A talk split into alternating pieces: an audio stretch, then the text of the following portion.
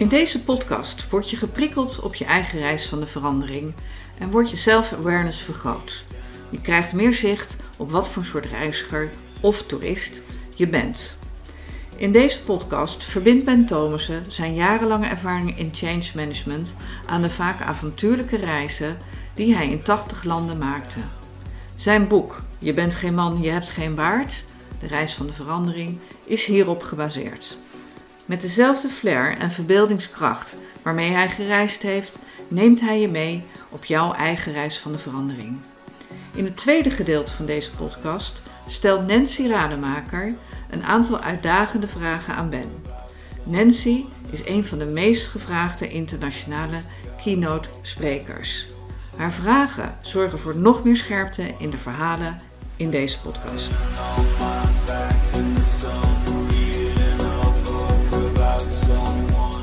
Podcast 2.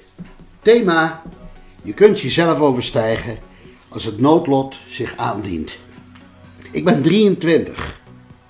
Het broeit aan alle kanten. Ik heb een kandidaatsexamen in sociale en culturele wetenschappen aan de Universiteit van Utrecht gehaald. Het is allemaal best interessant, maar ik ben het praten over een beetje zat. Ik wil zelf zien. Ik wil zelf ervaren. Ik wil iets doen. Ik wil reizen. Hetzelfde heeft een vriend van mij uit de Lier, Westland, Jasper. India is heel erg hot. De Beatles zijn heel bekend en ze hebben een adviseur op het gebied van transcendente meditatie. Maharishi Mahesh Yogi, heel erg bekend in die tijd. Maar eerst, om die reis te bekostigen, moet er wat geld verdiend worden. Ik heb bij een oom van een vriend, Janus Verhoeven, al wat leren snijden en branden, etc. Maar een echte pijpfitter was ik nog niet. Dat zijn vooral de ex-machinisten. Maar toch meld ik me aan in Antwerpse haven als pijpfitter. Ik moet wel een eerste examen afleggen. En via een koppelbaas in Putten, aan de grens, doe ik een examen als pijpfitter. Ik bereid me daarop voor met een ex-machinist uit Halsteren, die mij de kneepjes van het vak een beetje bijbrengt. En uh, klaar stond voor dat examen. En ik kom er maar net met hakken over de sloot, kom ik er doorheen. En word benoemd als assistent pijpfitter. Daar verdienen we een hoop geld. En uh, ja, dat geld wordt vrijdags echt uitgekeerd in een loonzakje. En onderweg van Antwerpen naar Bergen op Zoom komen we door Putten. Doen het Sodom en Gomorra van uh, Nederland. Vol met cafés en seksshops en dergelijke. En daar stranden we natuurlijk altijd. En tegen de tijd dat we om vier uur uh, in Bergen op Zoom aankomen, s'nachts is de helft van ons goed verdiende geld alweer op.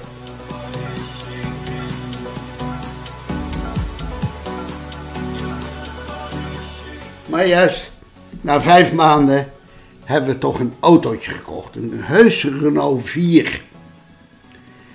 Dat is zo'n auto met zo'n fantastisch pookje in het midden. En wij kopen een Renault 4 van 8 jaar oud, die 158.000 kilometer heeft gelopen, voor 500 gulden in Roosendaal. Die bouwen we wat om we zorgen dat het voorbankje eruit is en dat er twee stoelen ingelast is. Die kunnen we naar voren schuiven. Die kunnen we eruit halen. Plank naar voren schuiven en dan slapen we in die auto. We maken een boelbar voor op de auto. En boven op de auto, op een ijzeren imperial, lassen we een kist. En die stoppen we vol met reserveonderdelen. Die we halen uit de Kortjan, het woonwagenkamp. Toen al bestierd door Klaas Otto, die de godvader was van het woonwagenkamp, een echte zigeuner.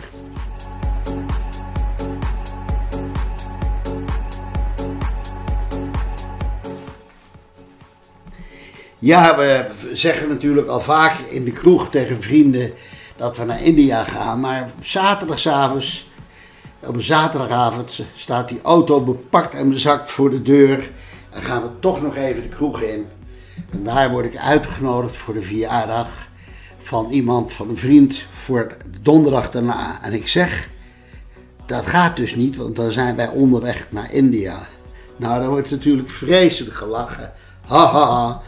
dat is een vorm van wishing.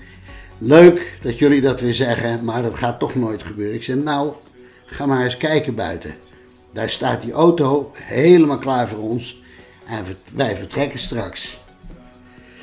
Nou, iemand is toch stiekem gaan kijken en die kwam schreeuwen binnen. Echt, ze gaan, die auto staat hier voor de deur en ze gaan nu echt. En we zijn echt ook weggegaan. En s'nachts, rond 1 uur, zijn wij vanuit de Peponenbar in de Engelse straat in Bergen op Zoom vertrokken op weg naar India. Goed bepakt en bezakt. Alleen, kleinigheidje, we waren wel vergeten te tanken. Dus midden in de nacht stonden we ergens langs de Belgische autoweg, stil, zonder benzine, en zijn toen maar gaan slapen.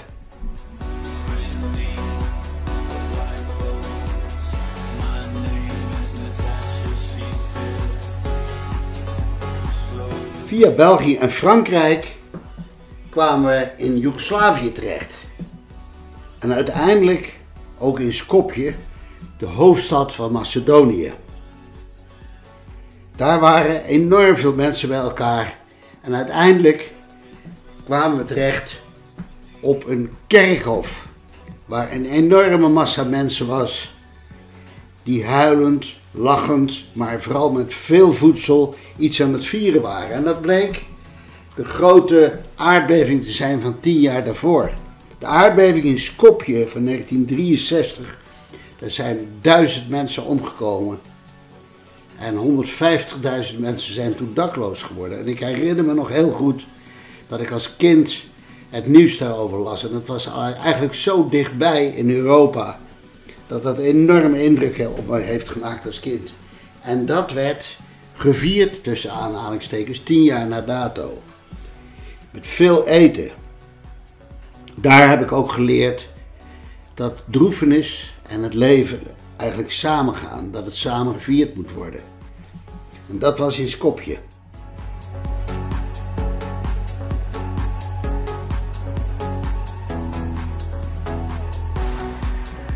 Daarna reden we door, kwamen terecht in Griekenland, wat ja, heel vredig en primitief was. En daar heb ik vooral geleerd dat schapenvlees als enige daar te krijgen was. En geen lamsvlees zoals wij gewend waren, heel vies en vet. En daar heb ik ook geleerd om watermeloen te eten. Dat was de enige manier waarop je veilig ook water of vocht in kon nemen. Uh, fantastische tocht, dwars Griekenland. Istanbul in Turkije was toen al een zeer bruisende metropool met een geweldige geschiedenis natuurlijk. En het interessante was dat wij toen nog met een boot de Bosporus over moesten op weg naar, uh, naar Iran, naar Perzië. En we hebben daar nog gezien dat de huidige brug waar iedereen nu over gaat, uh, aangelegd werd. Uiteindelijk kwamen we ook in Ankara terecht, waar we ook geloodst werden naar een loesje buurt en uiteindelijk er maar gauw uit zijn gereden, want we hadden door dat we uh, verkeerde situatie in geloosd werd. We zijn dwars door Turkije gegaan, een stoffige route. En een prachtige ontmoeting die ik me nog herinner, was in een, uh, in een dorpje ergens, in the middle of nowhere. We stopten daar en ineens kwam in de verte een man met wat mensen om hem heen aangelopen, keurig in een pak, met een stropdas, kwam op ons toe en keek ons recht aan en zei, gaf een hand en zei toen, werkspoor, Enschede, ik gewerkt. Dat was, ja, de eerste generatie uh, gastarbeiders. En die man die had natuurlijk goed geld verdiend naar de maatstaven van Turkije. En had met dat geld wat hij verdiend had in zijn eigen dorp drie huizen of hutten voor zijn familie kunnen kopen. En was echt iemand daar. Het was een ontzettend leuke ontmoeting. met een hele lieve, hartelijke man. En eh, dat hebben wij überhaupt ervaren. In Turkije kunnen de mensen ontzettend aardig zijn.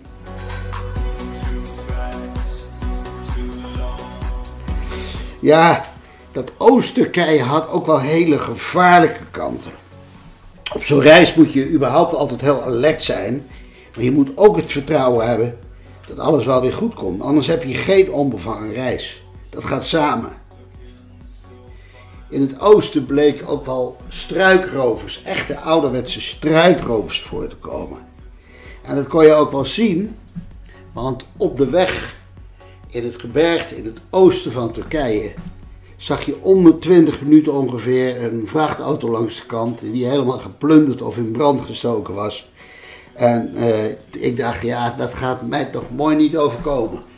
Het beste kon je daar in konvooi rijden, maar dat deden wij natuurlijk niet. Er was wel degelijk gevaar. En verdomd, het overkwam ons natuurlijk ook.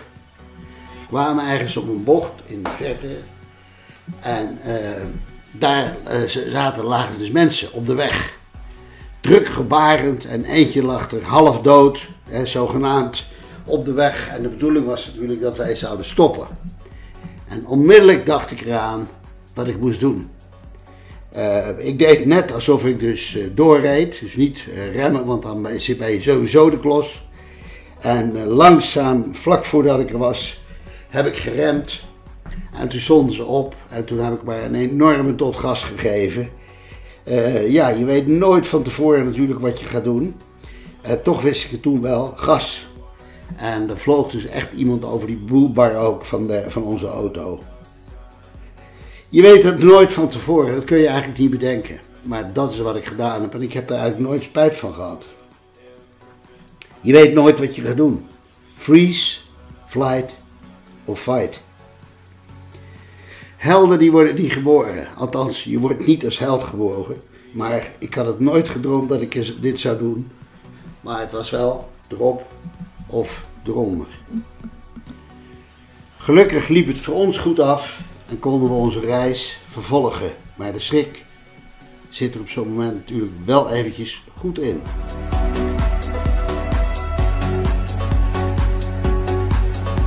We kwamen uiteindelijk in Perzië, wat nu Iran heet. Het was het Perzië van de Shah, voordat de Ayatollahs het voor het vertellen kregen.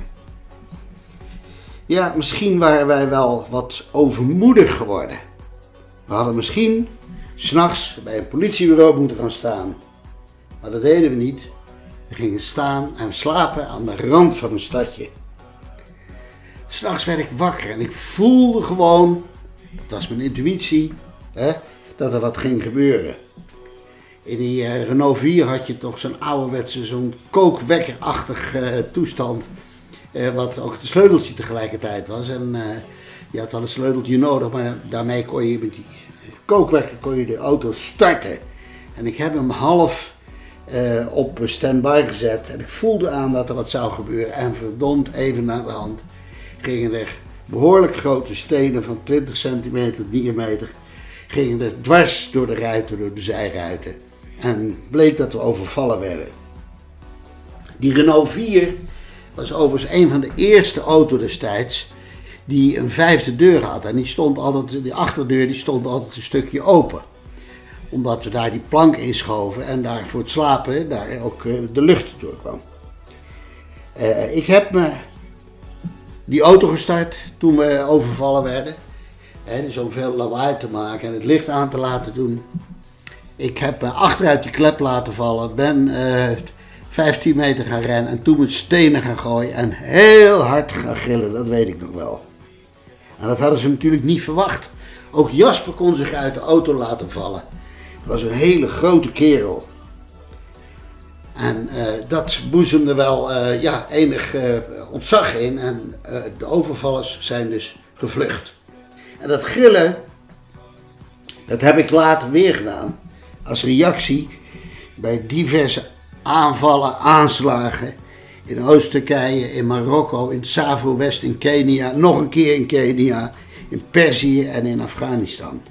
Door gelijk die emotie eruit te gooien, heb ik later dus ook nooit meer gedroomd over deze hachelijke situatie. Is maar goed ook, want anders had ik misschien deze reizen, deze avontuurlijke reizen, nooit meer gemaakt.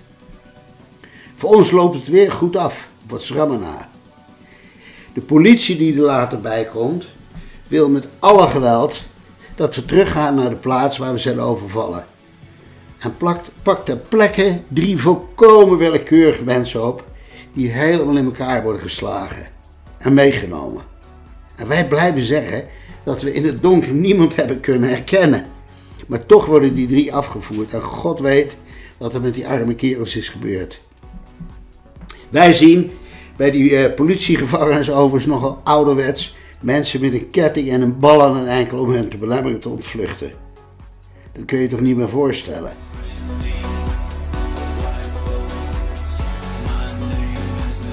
Een gedistingeerde meneer die uh, later bleek in Zwitserland gestudeerd te hebben en perfect Frans sprak, sprak ons de dag daarna aan en zei: Hoe bevalt het jullie nou in Iran? Perzië dus. Hij zeiden: Moi, ja. En vertelde iets over die overval. Hij keek en gelukkig was de voorruit nog goed. Maar hij zei: Die zijruit, ik heb een vriend die heeft een glashandel en die kan daar nieuwe ruiten in zetten. En er werden ook keurig nieuwe ruiten ingezet. Voor omge... Ja, ik weet dat nog wel. Zo'n 60 gulden werden er overal nieuwe ruiten ingezet aan de zijkant. Daar moesten we wel voor uitkijken, want het was geen autoglas natuurlijk. Maar eh, gelukkig was de voorruit nog, eh, nog goed. En wij konden onze reis weer eh, keurig vervolgen. Ja, je moet natuurlijk als je zo'n reis maakt accepteren dat je gevaar loopt. Hè? Wel alert zijn, je zintuigen zelf scherp houden. Maar zelf dat helpt soms niet. Op het terrein van het consulaat-generaal van Afghanistan in Mashhad werden wij, terwijl we binnen waren, hè, en die auto beschermd stond zogenaamd op de binnenplaats, zijn we bestolen.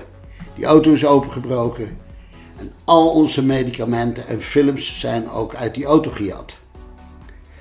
Die medicamenten die konden we uiteindelijk wel weer vinden voor onderweg. Maar die fotorolletjes, dat was natuurlijk een ramp. Later hebben we nog wel wat oude fotorolletjes kunnen kopen onderweg. Maar eh, we hebben eigenlijk helemaal weinig goede films goede foto's van deze reis.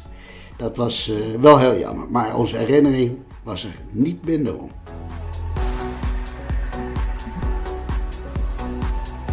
Oh, ja, het, eh, het, het, begrip veerkracht is heel erg in de mode op dit moment. En ik uh, zit me nu te bedenken dat wij toch al heel wat veerkracht gehad moeten hebben om dit allemaal te overleven. Maar ook om weer fris verder te gaan. En dat hebben we gedaan. En uiteindelijk kwamen we dus bij de grens van Afghanistan. Die grens die was na een staatsgreep van Daoud gesloten. En er stond ook een hele rij met auto's eh, te wachten tot die grens weer open ging. Maar die stonden er al twee weken volgens mij. En uh, wij stonden achteraan. Nou had ik een meegenomen, een vervalste perskaart. Die heb ik nog steeds van de International Press Organization. Door mijn goede vriend Boy, een Berg op Zoom die een drukkerij heeft, is die gemaakt. Uh, helemaal in het Engels, zoals of, of in het Italiaans bedoel ik. Zoals dat ook gebruikelijk was, alleen er stonden heel veel taalfouten in, expres, zodat ik juridisch daar nooit op aangepakt zou kunnen worden. Alleen in die landen, het Italiaans is meestal niet zo best. ik had ook wat oude, ook wat balpennen mee, met pikante blote dames die je om kon keren en dan nou, er gebeurde er van alles. Die had ik gekocht in de Bico Bazaar in Bergen op Zoom. En uh, dat, uh, dat, dat hielp wel aan die grenzen soms. Dat vonden ze helemaal geweldig. Uh, er was ook aan die grens een jongen van 13. En die wat, ja, een soort hashhond. Die kon heel goed ruiken als mensen hashis bij zich hadden. Nou, die combinatie van die perskaart, die vervalste perskaart, die pikante balpennen en een gesprek met die jongen en wat geld wat ik toegestoken heb, maakte dat wij de grens over mochten als eerste. En dat was natuurlijk fantastisch. Later hebben we nog een stukje geschreven voor het Brabants Nieuwsblad. Wij, wij waren als eerste naar de staatsgreep het uh, land weer in. We hadden ook een zeiltje waar we foto's konden ontwikkelen hè, onder dat zeiltje. En het negatief stuurden we dan op naar, eh, naar Nederland als het eh, kon.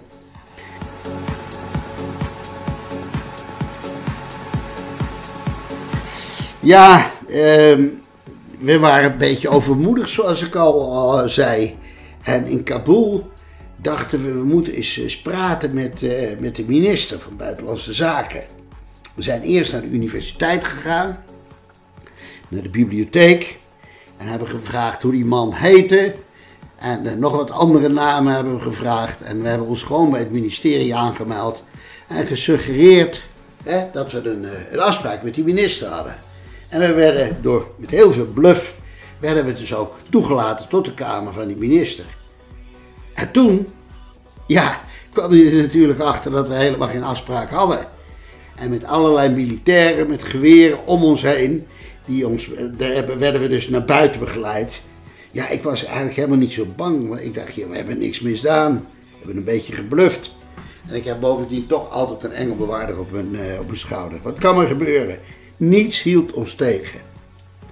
Maar het was wel een mooie ervaring. Later was uh, in Afghanistan, in Kabul, was uh, Jasper heel erg ziek. En uh, ja, ik wilde toch wat. Ik wilde een beetje die stad rondlopen. Ik kreeg nadrukkelijk het advies om een bepaalde wijk die gevaarlijk was niet in te gaan. En dat wekte wel mijn grote nieuwsgierigheid. En ik ben er toch wel ingegaan. Op een gegeven moment liep ik in die wijk. En uh, ja, zo zie je maar dat zowel gewaar worden, het zintuigelijk waarnemen, hè, proeven, ruiken, zien, horen en voelen, als je intuïtie, alle twee irrationele functies, dat je die op die reis goed kunt gebruiken. Want ik liep daar in mijn eentje door zo'n uh, wijk, door zo'n zo soort kasbah. En uh, op een gegeven moment zie ik iemand mij tegemoet komen. Uh, die hapte een adem, had hele grote ogen en zag blijkbaar achter mij iets gebeuren. Ik heb me onmiddellijk omgedraaid, heb mijn been naar boven uitgeschoken, heb een grote schop gegeven. En er liep inderdaad iemand die mij met een mes in mijn rug wilde steken. Dan ben je natuurlijk alles kwijt. Je camera, je geld, alles. En door het feit dat ik die man zag en dat ik mijn intuïtie serieus heb genomen, heb ik dat overleefd en ben toen maar heel hard gaan rennen. Het was natuurlijk heel erg stom, maar wel een mooi verhaal. En uh, ja, dat uh, kan je dus overkomen in Afghanistan, maar ook in Amsterdam. En uh, ja, op reizen heeft het mij wel weer geleerd dat je zowel gewaarworden als intuïtie moet gebruiken om dit soort situaties te overleven. Maar even goed om heel erg te genieten van de reizen die je maakt.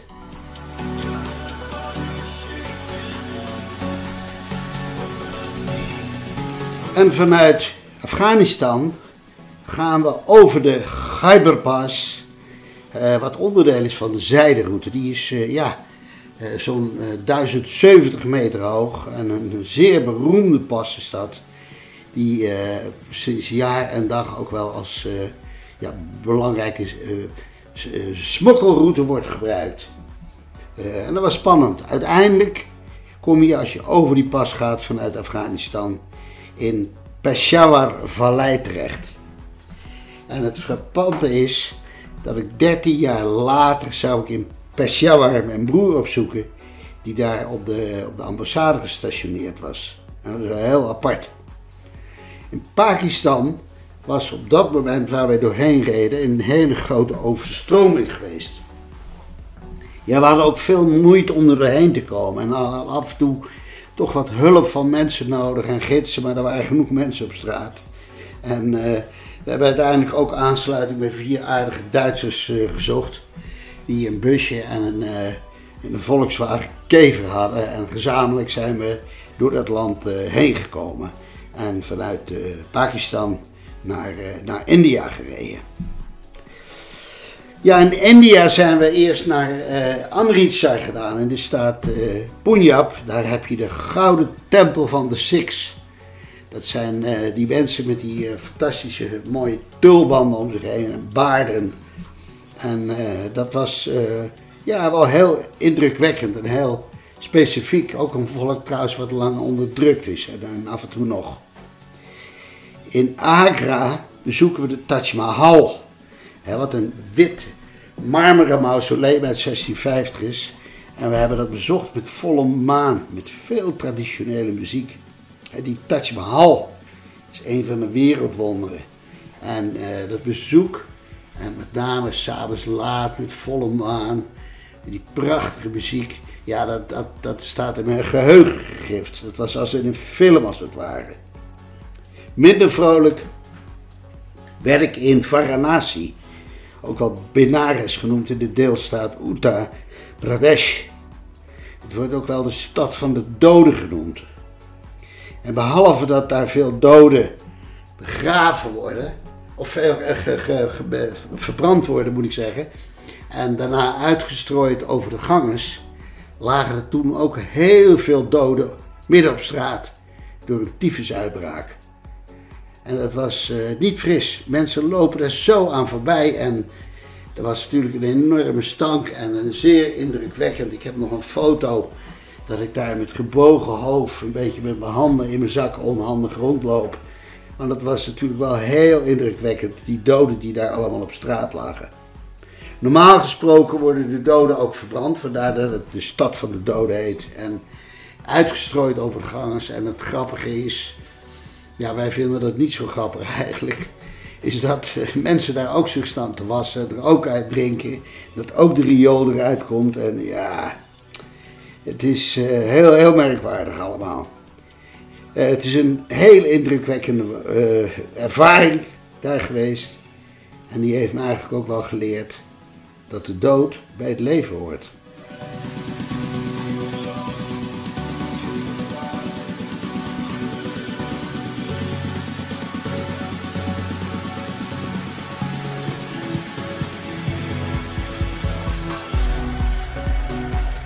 Later hebben we een ontmoeting in een heel klein dorpje bij een benzinestation met een van de grootste yogameesters, Yogirai Devamurti. Wij staan daar, uh, ja, met veel moeite hebben we uiteindelijk uh, een, benzinestation gevonden. Er komt een, uh, een hele grote groep auto's, een jeep, een open jeep en een prachtige man met heel lang haar en een oranje gewaad. En allemaal mensen eromheen en beveiligers en dit en dat. En die stopt daar. En dat blijkt dus die Yogi Devamurti te zijn. Persoonlijk adviseur van toen wereldleiders als eh, Khrushchev, Kennedy, Nehru, etc. Die man, die yogameester, komt recht op mij af. Kijkt me met zijn uh, doordringende, maar toch wel heel erg vriendelijke ogen aan. En zegt de legendarische woorden: Du bist kein man, du hat keinen Bart. Jij bent geen man, jij hebt geen baard. Ja, dat komt omdat ik me natuurlijk scheer en de rest van die mensen daar niet. Veel mensen hebben een baard. En hij zegt, je bent eigenlijk geen man, want je hebt geen baard. En ik uh, praat terug tegen hem. En gelijk komt er een adviseur van hem achter mij staan en die zegt in het Engels, you can't do that. You know what it is, that's famous Yogi Devamurti. En ik antwoord in het Engels, de erop, hij doet het bij mij toch ook, we zijn wel evenwaardig. Die man die kan er de humor wel van inzien, en het uh, klikt heel goed. Hij zegt, ga met me mee. Ik heb morgen een hele grote demonstratie. Uh, en uh, ik wil graag dat jullie meegaan. Ik zeg, ja, maar wij, wij, zouden die, die kant op gaan. Hij zegt, heb je een plan? Ik zeg, eigenlijk niet. Hij zegt, ga dan met me mee. Lever je sleutels in en rijd met me mee. En dan word je ontvangen. Dat hebben we dus uiteindelijk ook gedaan. S'avonds hebben we een fantastische uh, uh, lezing van iemand gekregen in zijn woonkamer, wat ja, eigenlijk vrij leeg was. En een soort judomatten lagen er op de vloer. En hij vertelde over zijn yoga filosofie, maar ook over de, de kracht van het lichaam, wat je met yoga kunt doen. En dat was buitengewoon indrukwekkend. En op een gegeven moment zegt hij van, nou, wel rusten. En ging liggen. En wij kijken elkaar aan. Dit was het blijkbaar. Nou ja, wij zijn ook maar gaan liggen op die judomatten en hebben daar geslapen. De andere dag, ja, zijn we terechtgekomen in die uh, fantastische uh, yoga-demonstratie.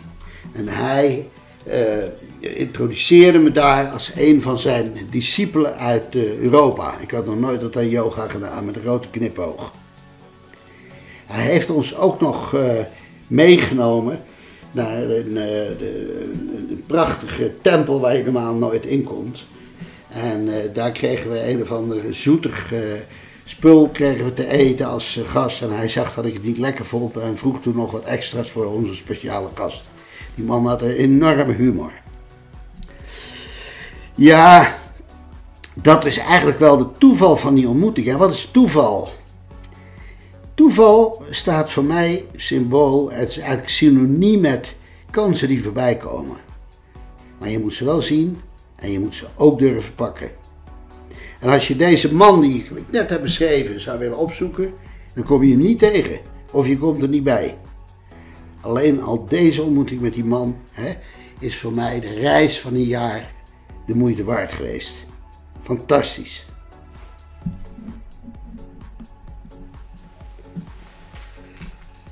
Daarna reden we verder naar Nepal, naar Kathmandu. Ja, dat was toen nog een, een heel oorspronkelijk dorp, niet vergeven van de toeristen. Het eten kostte daar ongeveer 25 cent. Het was een heel indrukwekkende, uh, ja, eigenlijk groot dorp nog. Uh, met prachtige tempels en uh, goed eten en nog wat hippies uit de, die tijd natuurlijk. En het was een buitengewoon aparte sfeer. Van daaruit besloten we naar Pokhara te gaan, van waaruit de, de Johnson trekking maakte. Volkomen onvoorbereid en op de Bonnefoy. Die tocht die loopt langs de flanken van de Dalagiri en de Annapurna. Hele hoge bergen, boven de 8000 meter. En het is toen allemaal nog heel erg oorspronkelijk primitief. En er lopen nog weinig mensen. Die tocht die duurt drie weken. Het eerste stuk liep ik op blote voeten, omdat de dragers, de Sherpas, dat ook deden. We hadden een klein flesje alcohol gekocht om regelmatig de bloedzuigers van onze voeten en benen te verwijderen. Ik weet nog wel dat we op een gegeven moment tot 15.000 voet hadden gelopen. We dachten, we hebben het dak van de wereld bereikt. Er trok een wolk weg. En toen helemaal, helemaal, helemaal daarboven zagen we de top van de Dalagiri en de Annapurna. We waren nergens meer. Zo nietig. En ik weet nog dat ik daar ontzettend heb staan huilen. Zo overweldigend was en zo gelukkig voelde ik me. En zo overweldigend uh, en overweldigd door die fantastische natuur. Dat overkomt je en dat, uh, ja, dat vergeet ik natuurlijk niet meer. Prachtige tocht maakten we. Uh, en we sliepen daar in, in kleine dorpjes. Ik weet nog heel goed dat uh, op een gegeven moment werden we ergens uitgenodigd om te slapen. We kregen daar te eten. En we konden natuurlijk helemaal niet communiceren, want die mensen spraken geen woord Engels, Duits of Frans of wat dan ook. Wij spraken hun taal niet. En uh, ik zat daar s'avonds in zo'n hut. En de moeder die begon achter mij te zitten en die begon mijn haar gewoon te vlooien. Dat was wel heel grappig. En tegenover mij kwamen drie van die kinderen met van die prachtige mooie ogen. Nepalese kinderen. Pal tegenover me zitten op hun hurk en die keken me aan. En ik dacht, ja, wat, wat, ik werd er een beetje verlegen van natuurlijk. En ik denk, moet ik iets? Moeten ze iets voor mij? Wat, wat is hier aan de hand? En uh, toen kwam ik eigenlijk pas achter dat die kinderen gewoon kinderen waren. Helemaal onbevangen, in het hier en nu zonder bijbedoelingen of wat dan ook.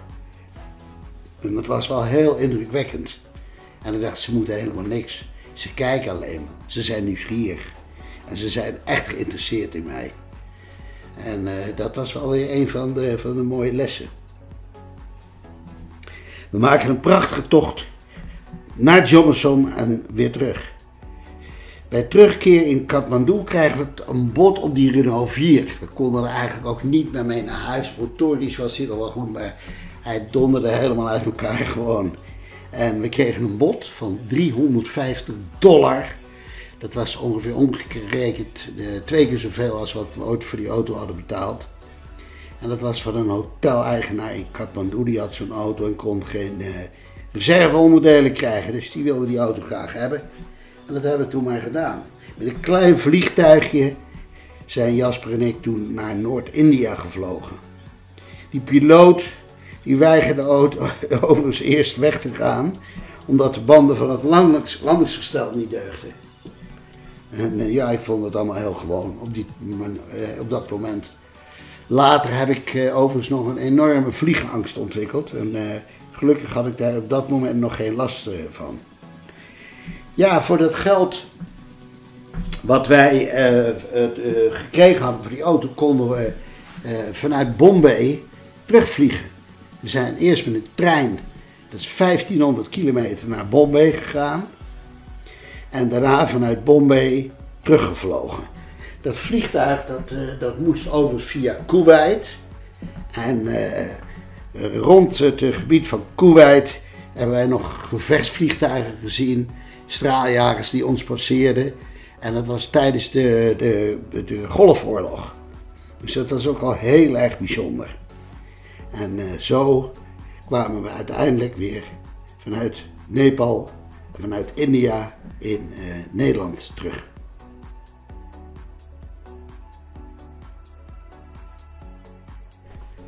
En toen was ik weer thuis. Na al die andere culturen, bijzondere ontmoetingen, confrontatie met mezelf, bloedstollende avonturen, ben je dan weer terug in dat keurige aangeharkte Nederland. Ja, ik val na dit soort reizen altijd in een gat. Je kunt je ervaring niet echt delen met anderen, anders wordt het weer ja, van die anekdotes. En eh, vooral je eigen beleving kun je niet altijd delen met mensen die er niet bij geweest zijn. En je wordt vaak geconfronteerd hè, met de trivialiteiten van het thuisblijven. Zo, ja, zo ervaar ik het althans. Mijn moeder na deze fantastische reis zei bijvoorbeeld: Heb jij die blauwe handdoek nog meegenomen toen, eh, toen je wegging? Ja, ik had daar dus absoluut allemaal geen zin meer in. En ik wil uh, onafhankelijk zijn en me niet meer ondergeschikt maken aan dit soort uh, flauwekul. En uh, ja, ik besluit gewoon echt zelfstandig te worden. En ik laat mijn vader een keer met een slok te veel op uh, een, verklaring tekenen waarin hij eigenlijk zegt dat hij niet meer mijn levensonderhoud wil voorzien. En ik vraag een studiebeurs aan die ik later ook zelf terugbetaal. Deze reis heeft mij voorgoed veranderd. Mijn zelfvertrouwen is gegroeid. Het vertrouwen ook dat ik me in een heleboel situaties kan redden. En vooral heb ik geleerd dat ik mezelf moet blijven. Mijn eigen koers moet varen en me niet steeds iets gelegen laat liggen aan anderen. Veel mensen zijn net iets te veel afgestemd op wat anderen wel niet van zullen denken. Dat houdt mij nu een stuk minder bezig. Ik durf nu af te wijken. Eigen standpunten in te nemen en mijn eigen keuze ook te maken. Dat is overigens wat anders dan je niks van anderen aantrekken. Een beetje asociaal of onsociaal zijn. Integendeel. Autonomie betekent dat mensen ook beter weten wat ze aan je hebben. En dat heb ik met name ontwikkeld op deze bijzondere reis.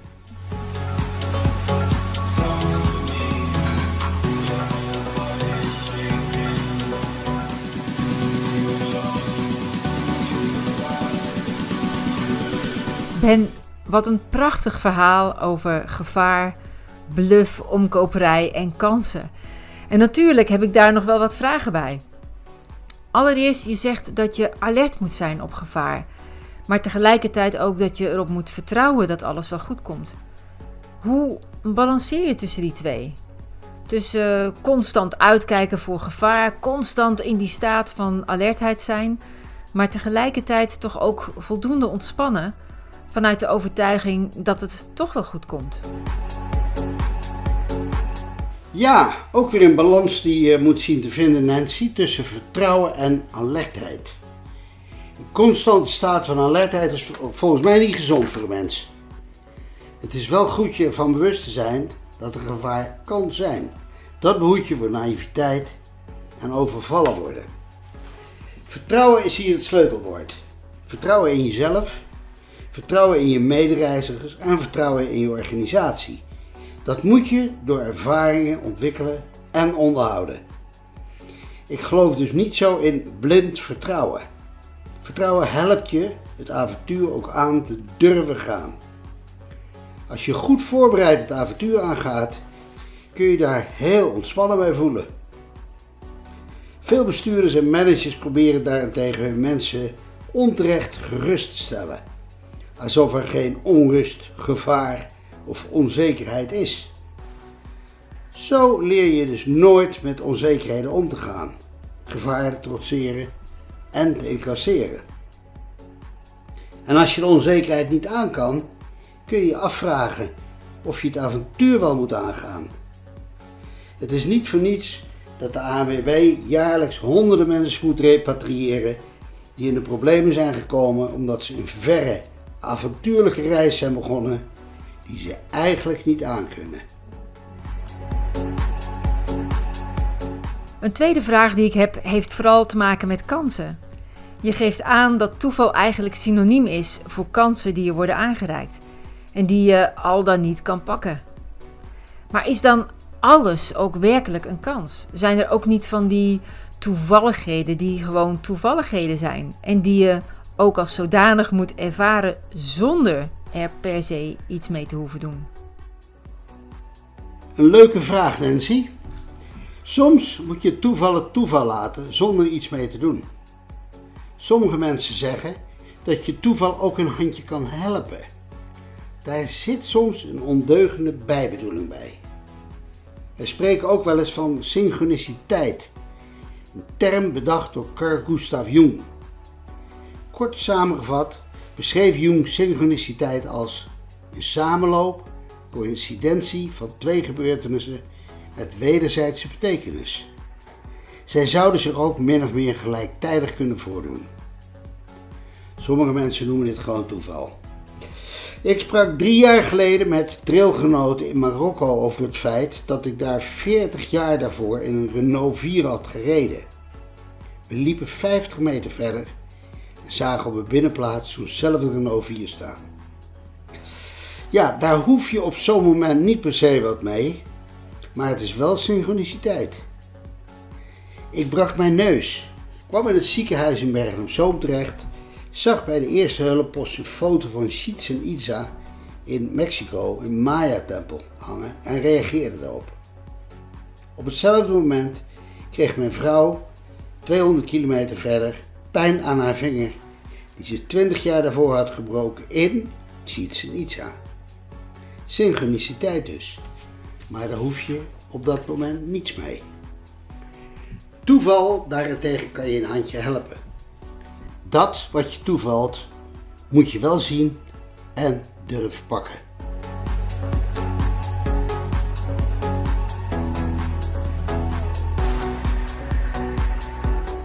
Ben, die kansen pakken, dat is toch iets wat mij niet loslaat. En dan vooral jouw uitspraak dat we dat soms nalaten omdat we andere dingen belangrijker vinden.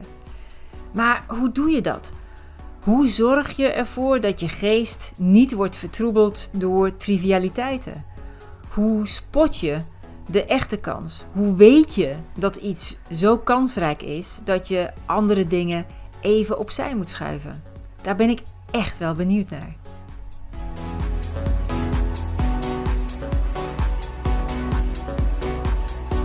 Weten doe je volgens mij nooit iets zeker vooraf.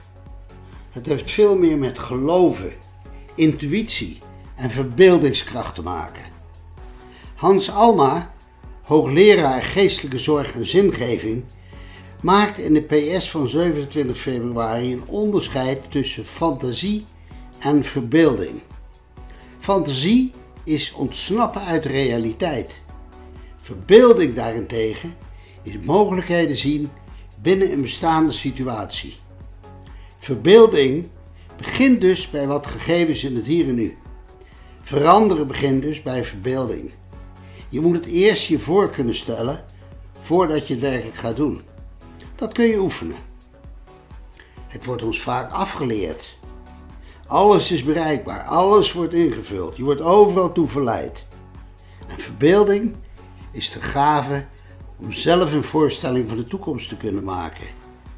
Hoe meer verbeelding, hoe kleiner de kans dat je op laat slokken door trivialiteiten.